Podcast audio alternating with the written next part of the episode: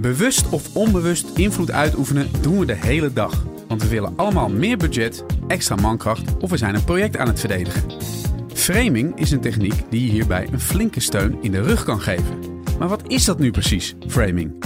Hoe herken je het en hoe kun je het gebruiken? We praten er vandaag over met argumentatiespecialist Henry Raven. Mijn naam is Jan Meijroos. En ik ben Maaike Bos. Leuk dat je luistert naar Work in Progress, de podcast van Intermediair over werk, carrière, work-life balance en persoonlijke groei. Ja, Henry, welkom in de studio. Dankjewel. Um, uh, Ja. Wat is framing? Eigenlijk zou je kunnen zeggen dat eh, je met framing heel bewust probeert om anderen onbewust te beïnvloeden. Eh, ik noem het ook wel een, een bril waardoor jij anderen de werkelijkheid gaat proberen te laten zien. En hoe werkt dat nou in de praktijk? Eigenlijk probeer je door eh, uitgekiend gekozen woorden en beelden die je gebruikt bij anderen een associatiepatroon op te roepen waardoor bepaalde gedachten getriggerd gaan worden. Maarten Toner zou het een denkraam noemen. Hè? Oh ja. Eh, en eh, van oudsher is het een, een, een debattechniek.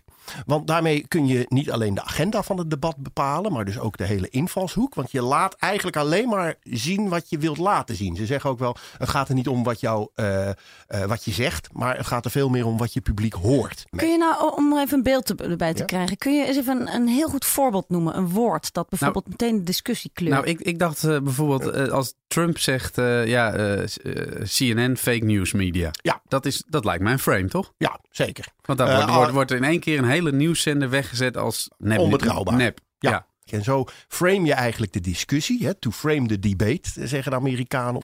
En ja, met dat fake news, als je naar de feiten kijkt, dan zouden we met heel veel eh, overtuiging kunnen stellen: nee, CNN is geen fake news producent. Nog al die andere eh, media die Trump daarvan beticht. Maar waarom is het nou wel een typisch en goed voorbeeld van framing? Om dat beeld maar steeds te gaan herhalen Ja. gaan wij toch bij onszelf nadenken van nepnieuws, nepnieuws. Ja, je hoort er toch steeds meer over, ook in Misschien combinatie Zijn ze wel zorgvuldig genoeg? Ja, misschien dat er toch iets in zit. Dus waar wij misschien de media vroeger, of bepaalde media vroeger nooit wantrouwden, is er nu ineens een opening geschapen door steeds maar dat beeld van nep, nep, nep, nep, nep Ja. te herhalen. En dan ga je toch nadenken. En dat gaat eigenlijk terug. Hè. Het be- beroemdste voorbeeld is de, eh, de speech vlak voor Watergate eh, van Nixon. eh, waarin die zei, I'm not a crook. Hè. Ik ben geen schurk. Dat fragment is, is, is legendarisch. Omdat vanaf dat moment de mensen ineens gingen denken van... ja, stel je nou toch eens voor. Dat, Dat onze president wel. Ik had dat- die mogelijkheid dus, eh, nog nooit eh, die bedacht. roze olifant waar je niet aan wilt denken, dat deed hij Exact. verkeerd. Dus.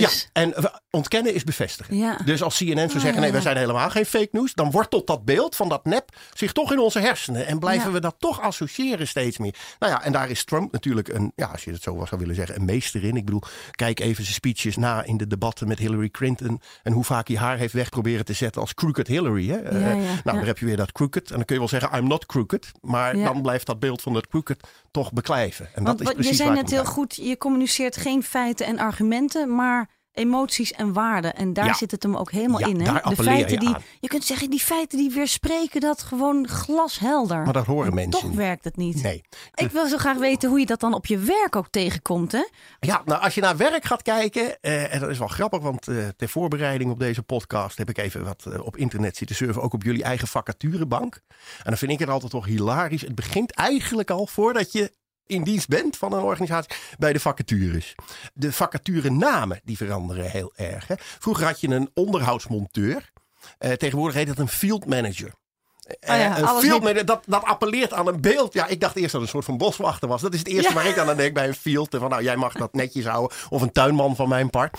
Eh, hetzelfde geldt voor de aloude secretaresse. Daar wordt eigenlijk nooit meer naar gevraagd. Er zat een soort van overgang in. De secretaresse werd een managementondersteuner. Nou, dat appelleert aan een waarde van jij bent voor ons bedrijf enorm waardevol. Want jij ondersteunt het management. Maar er zat toch ook nog wel een soort van hiërarchische relatie in. Van ja, jij bent wel Je staat duidelijk onder dat management. Ja. Tegenwoordig zoekt men het liefst naar een office manager. Ja. En dan heb je toch ook weer die titel manager in je, eh, hoe noem je dat? Die functieomschrijving. In je functieomschrijving, Ja, op, dankjewel. op, op ieder eh, handtekening staat tegenwoordig manager. Nou ja, Ja. maar dat, dat, dat suggereert een bepaalde gelijkwaardigheid. Ja. En als werkgever naar je werknemers toe zou je dat dus heel bewust in kunnen zetten. Om te laten zien van wij, wij zijn hier samen een team. Hè? Ja. Ik ben niet meer dan jij, maar we zijn Ja. één. En dan krijg je ook zoiets verschrikkelijks. Dat is ook zo'n frame waar je de hele dag mee dood wordt gegooid. Het verbindingsframe. Hè? We Oh. zijn aan het verbinden. Tegenwoordig is elk plan goed omdat het verbindt. Oh ja. En het eh, groepen bij elkaar brengt. En ik weet niet wat. Nou, dat zie je ook op de werkvloer.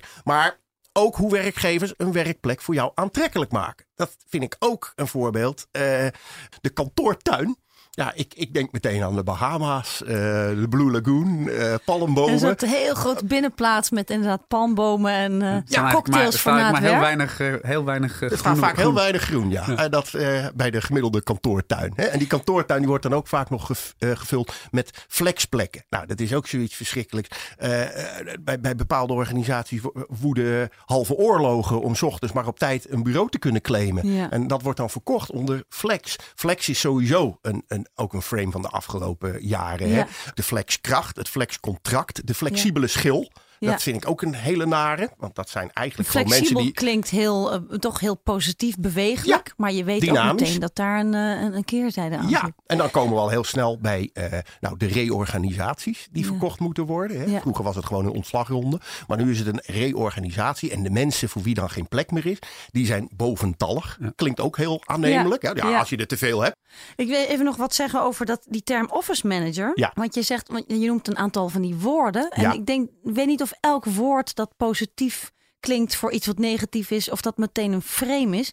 Maar office manager, dat, dat plant ook een, een soort wereldbeeld in, in het hoofd van die secretaresse eigenlijk. Hè? Ja. Die, die neemt ook meer verantwoordelijkheid of zo. Hè? Dat is het idee erachter. Ja. Het appelleert dus weer aan bepaalde emoties. Ja, Want ik oh, ben, dat meer, is het, ja. ik ben Ja. meer dan alleen maar Ja. de secretaresse. Maar kun je nou zeggen dat, dat elk woord dat bijvoorbeeld het probleem noemt een uitdaging, is dan elk woord meteen een frame? Nee, het woord is geen frame. Nee. nee. Het is meer. Eh, de woorden zijn de aankleding van je frame. oh ja. Je, eh, het frame is het kader of de bril, zoals ik het net noemde, waar langs je naar een bepaalde eh, kwestie kijkt, zodat je het helemaal focust op dat punt. Ja. Het is eigenlijk net als bij een foto. Wat zet je er wel op en wat zet je er niet op? Ja. Een mooi voorbeeld, wat je heel veel ziet als het om framing gaat, is een eh, foto van een prachtig strand met een blauwe zee. En dan denk je, oh, daar wil ik naartoe, nu boeken. Maar de tweede foto is dan iets uitgezoomd. En dan blijkt dat voor dat strand zich een vuilnisbelt bevindt. Oh, ja, ja. Nou, wat laat je zien? En waar het begint bij zo'n secretaresse aan te spreken, is wat vinden die mensen belangrijk om in een functie te vinden? Waar, waar voelen zij zich in gehoord, gewaardeerd? eh, nou, bijvoorbeeld verantwoordelijkheid dragen, of eh, eh, samenwerken, of invloed kunnen hebben.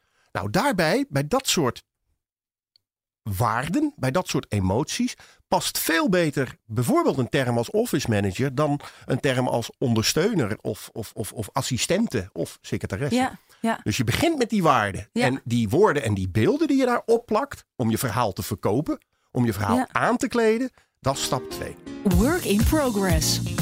Nou zijn er dus veel meer situaties in werk waarin je wil overtuigen. Hè? Bijvoorbeeld, Mhm. je zegt het al bij solliciteren of aan de werknemerskant bij het verkopen van een vacature. Ja. Maar bijvoorbeeld eh, je team meekrijgen of Ja. eh, de- de- Vergaderingen. Vergaderingen. Is, is ja. het, dus eigenlijk is het zo, degene die het best kan framen in een vergadering, die zal ook, die zal ook meer voor elkaar krijgen dan toch? Ja, dat zou je zeggen wanneer de anderen het met zich laten gebeuren.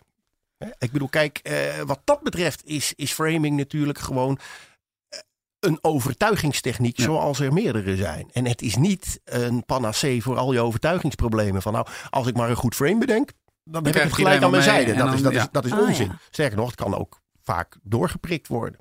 Ja, dat Het is ook wel een het goede. is geen ja. wet van mede en persen. Het is een, ik zeg altijd, overtuigen, dat is een heel complex proces. Daar heb je heel veel gereedschap eh, voor nodig. Eh, dat kunnen argumenten zijn, je moet dossierkennis hebben, je moet feitenkennis hebben. Maar het is ook wel fijn als je een betoog weet te houden, of dat nu mondeling of schriftelijk is, dat een beetje aantrekkelijk is voor je publiek. Of dat nou eh, je collega's zijn of je lezers of wat dan ook. En framing is een middel dat je kunt inzetten, heel bewust, om Ja. te proberen je boodschap beter te laten landen. Ja, want ik dacht al van die mensen, die, die collega's die dat dan heel natuurlijk afgaat, zijn die Mhm. gewoon constant aan het framen en hebben we dat niet door? Of hebben ze En hebben ze gewoon charisma? Maar misschien is het allebei, hè? Je zegt het is Het- ja. een middel en al die Ja. andere dingen helpen ook mee natuurlijk. Ja, klopt. Ja. Dat klopt. En maar eigenlijk ben je dus op heel veel vlakken die strijd aan het voeren. Je bent en bezig met Strijd, dit is ook weer een frame. Alsof het op de, ja, maar als het op de werkplek continu een jungle is, hè, waarbij je bezig bent met elkaar de tent uit te vechten. Dat is wel een hele goede. Het oorlogsframe is sowieso iets wat, wat hele sterke eh, beelden oproept. Hè, van we zijn in oorlog met de concurrentie. Nou, dat is eh, eh, naar analogie van eh, George W. Bush, de de 9-11 speech, hè, waarin hij de War on Terror eh, verklaarde. Ja. Nou ja, en daarmee zichzelf een heleboel bandbreedte gunt voor maatregelen om te nemen. Want in oorlog eh, Is- mag er ook. In liefde en oorlog is alles geoorloofd. Exact. Nou, dat is dus, nou ja. Ja. dat kun je ook op de ja.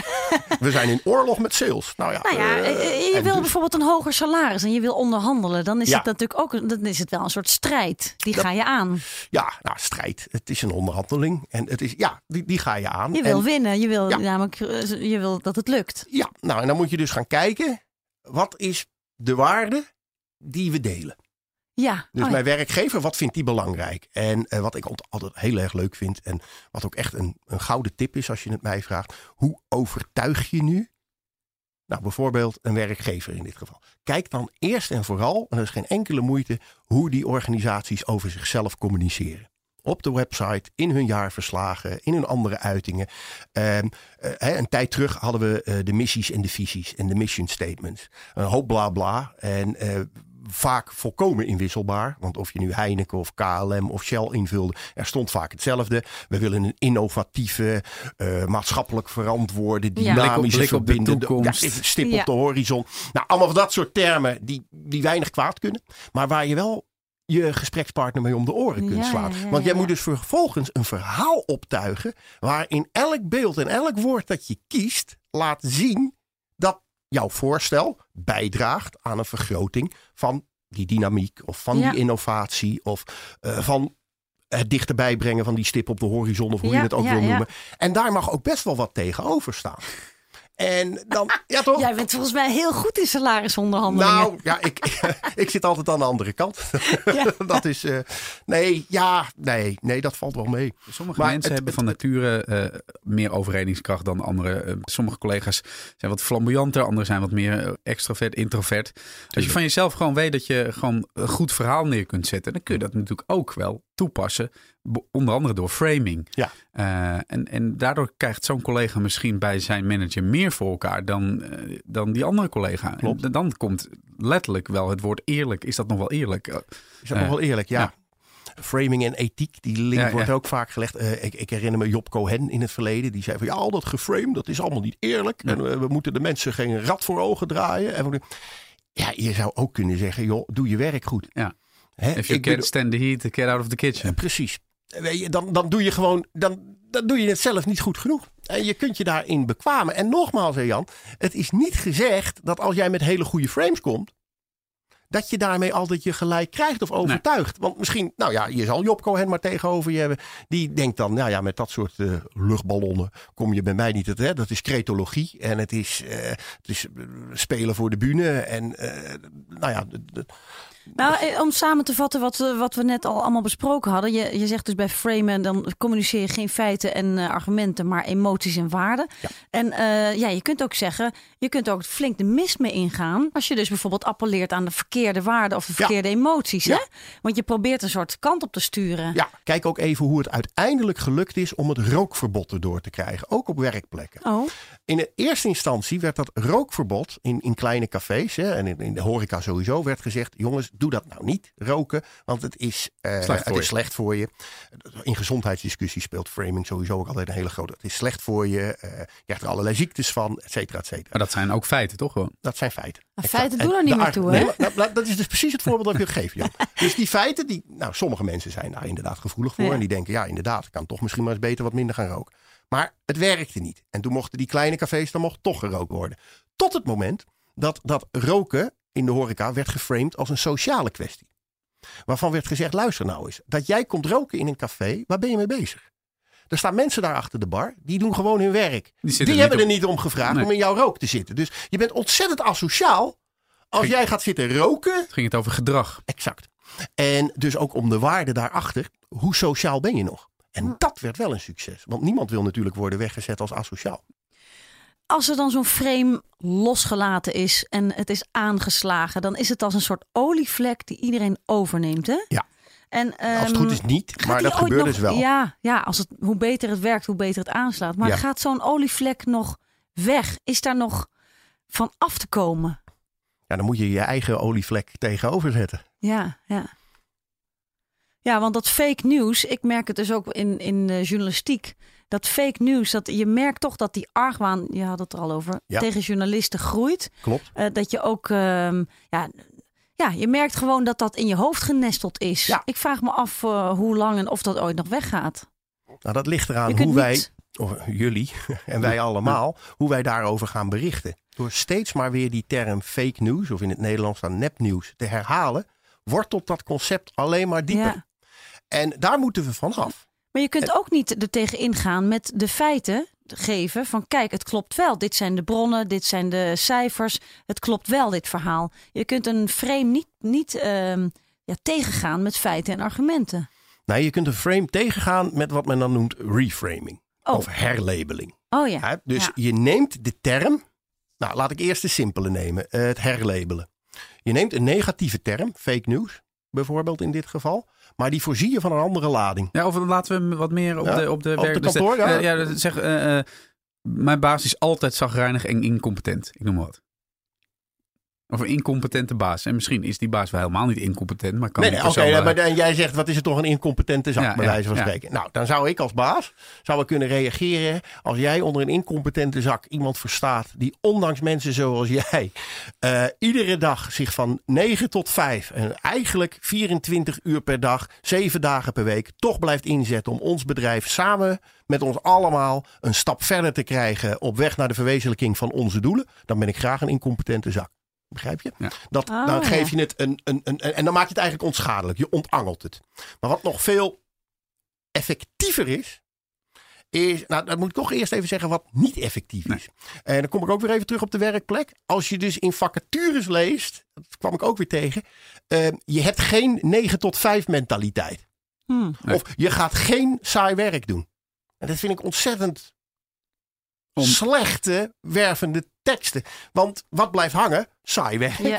En 9 tot 5. Dus Ja. benoem vooral wat je wel gaat doen Ja. en niet wat je niet gaat doen. Dus als ik ga zeggen, jij zegt tegen mij, Henry, je bent incompetent. Dan zeg ik, nee Jan, ik ben niet incompetent. Ja, dan krijg je hem wel eens niet de strijd. Ja. Maar we herhalen dat woord incompetent. Maar dat Ja. moet je dus niet doen. Dus of je herlabelt het. Of er is nog een ander eh, ding. En dat noemt men dan reframing. Je zou het eigenlijk het beste kunnen definiëren als een herbedrading van de hersens. Dus hè, die, die frames die, die, die, die doen een eh, beroep op de bedrading in je hersens. Je zou kunnen zeggen hoe wij eh, eh, hoe ons gezond verstand zich openbaart. Hoe redeneren wij? Hè? Zo gaat het. Ja. Die associatievermogens in je hersens. Nou, neem nou zo'n frame dat iedereen herkent. Maar geef dat een andere invulling. Als je nou even concreet maakt voor bijvoorbeeld een vergadering op je werk, waar het toch Mhm. heel vaak over geld gaat, dan worden heel vaak mensen gewoon ja, afgekapt door het argument van de manager. Ja, daar is gewoon geen geld voor. Mhm.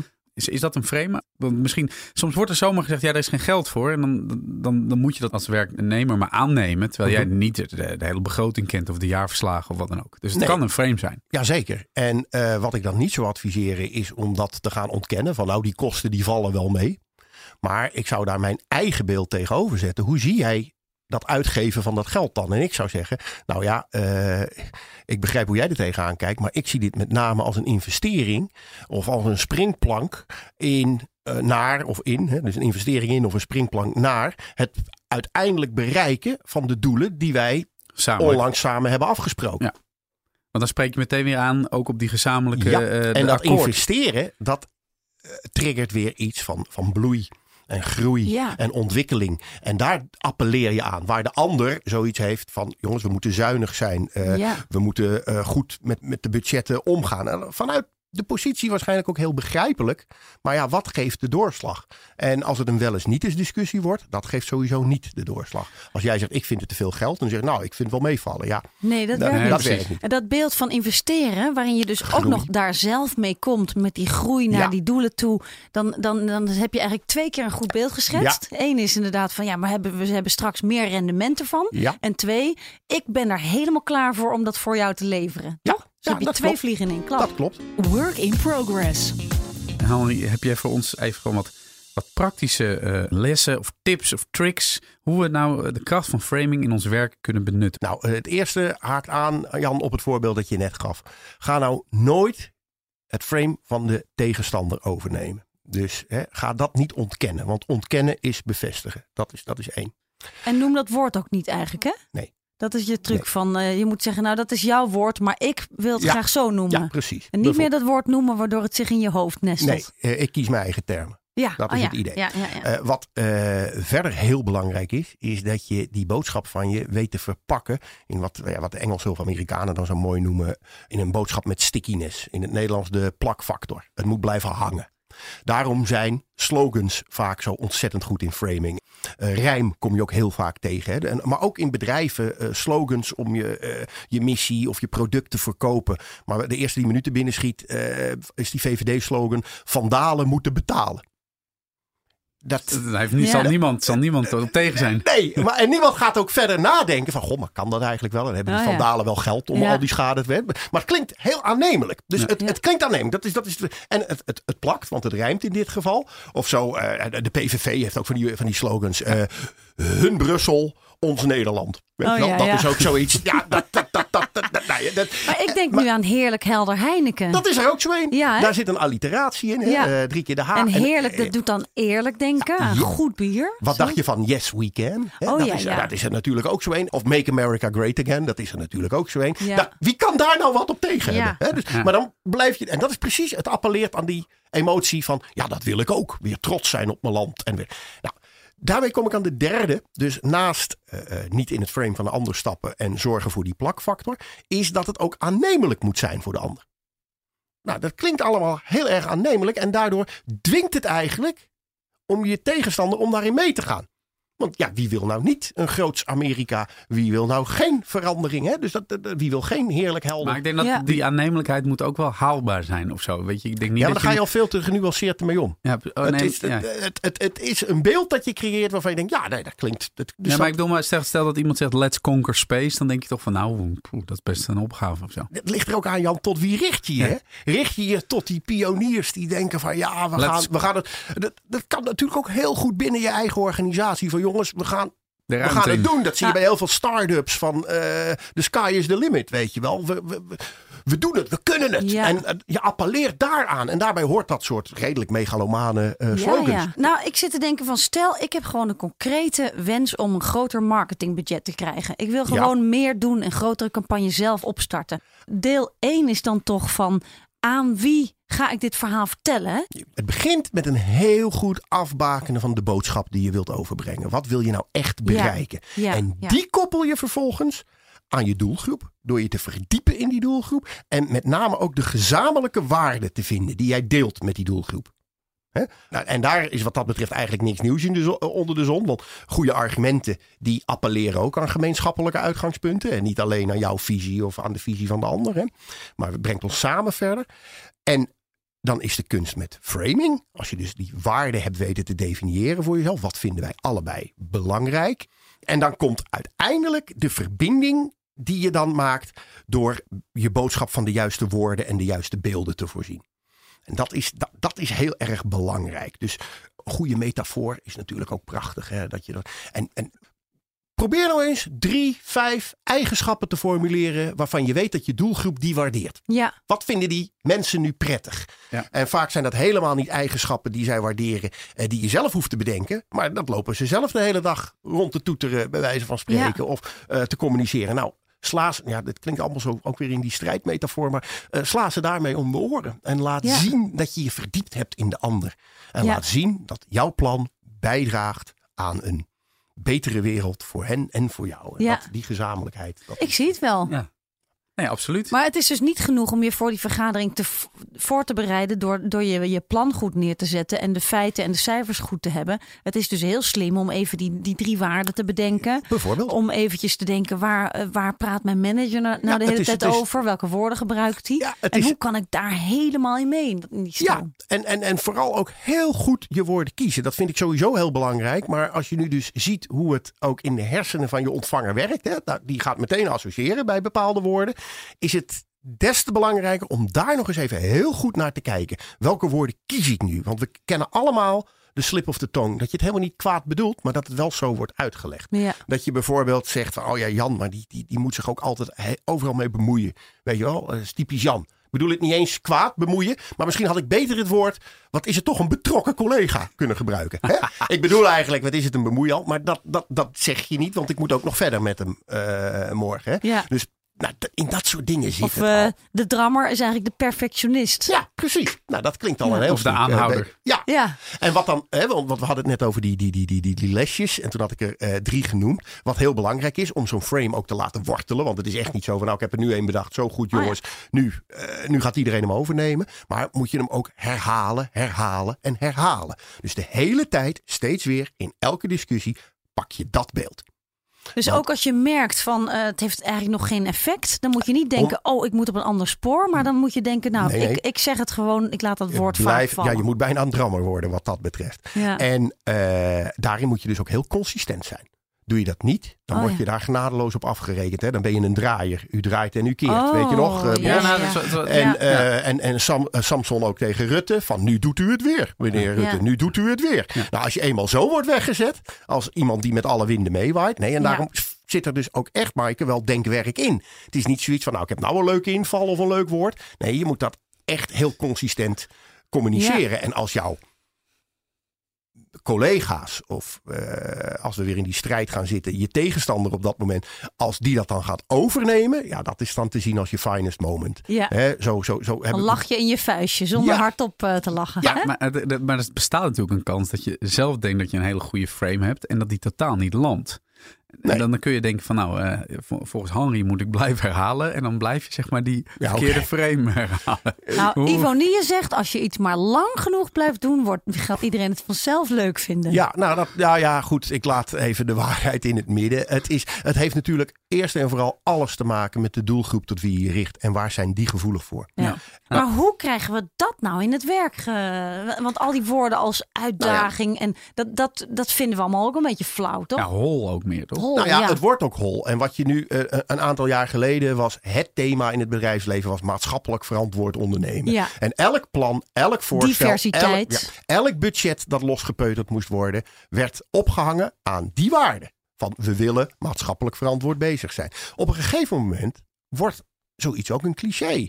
En eh, ja, dan, dan, dan, ja, dan dreigt toch ook wel een soort van eh, ver- Dan verliest, slijt. dan verliest, Dan de verliest frame, het aan verliest de frame En dan wordt het vervangen door een nieuw frame. Ja. Nu zijn we bezig met verbinden ja. en groen. Nou, samenvattend eh, Ja. is het dus eigenlijk zo dat je moet natuurlijk een goed verhaal hebben en je feiten op orde hebben, je cijfers op orde hebben. Absoluut. Maar dat is pas het begin eigenlijk. Hè? Ja. Je moet vooral denken, eh, wat zijn de waarden van mijn bedrijf? Wat zijn de waarden van de mensen aan wie ik dit ga presenteren? ja. Met wie En hoe ik kan werk ik daar op emotieniveau een, een, een lekker gevoel bij geven, Ja. toch? Met welke woorden? Ja, En heeft het dan ook nog zin ter afsluiting om bijvoorbeeld daar nog bepaalde lichaamstaal of, of kleding bij te nou misschien ook. Het moet allemaal in lijn zijn. Kijk hoe jij Oh een sollicitatiebrief schrijft. Hè? Dan ga je toch je aanpassen aan wat je uit die advertentie haalt. Ja. En ja, zet drie mensen op een rij in verschillende kleding. De ene een zwart pak, de andere een kooltrui en de derde een trainingspak. En vraag wie is de advocaat? Ja, Mensen denken niet altijd logisch.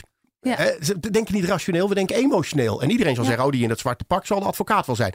Volstrekt niet logisch, maar wel begrijpelijk. Nou, Wees positief en beeldend. Dat is ook nog een tip. dat is een mooie. Wees positief en beeldend. Ja. Nou, ik, Ja. ik, heb, eh, ik, ik, ik, ik hoop dat iedereen het net zo leuk heeft gevonden, dit verhaal, als, als wij. Ik heb in ieder geval aan je lippen gehangen. Nou, Eh, dankjewel. en ik wil je heel, veel, heel erg bedanken voor deze, voor deze ja, leerzame, leerzame Ja, tips en tricks. Ja. Heel graag gedaan. Dank jullie wel. Leuk dat je luistert naar deze Work in Progress podcast over framing. Uh, Raven schrijft ook iedere maand een column op Intermediair, dus check ook zeker onze site. En voor nu, tot de volgende keer. Dag. Wil je meer weten over dit onderwerp? Check dan regelmatig intermediair.nl. Voor tips over werkplezier, carrière, work-life balance en persoonlijke groei. En abonneer je op onze nieuwsbrief.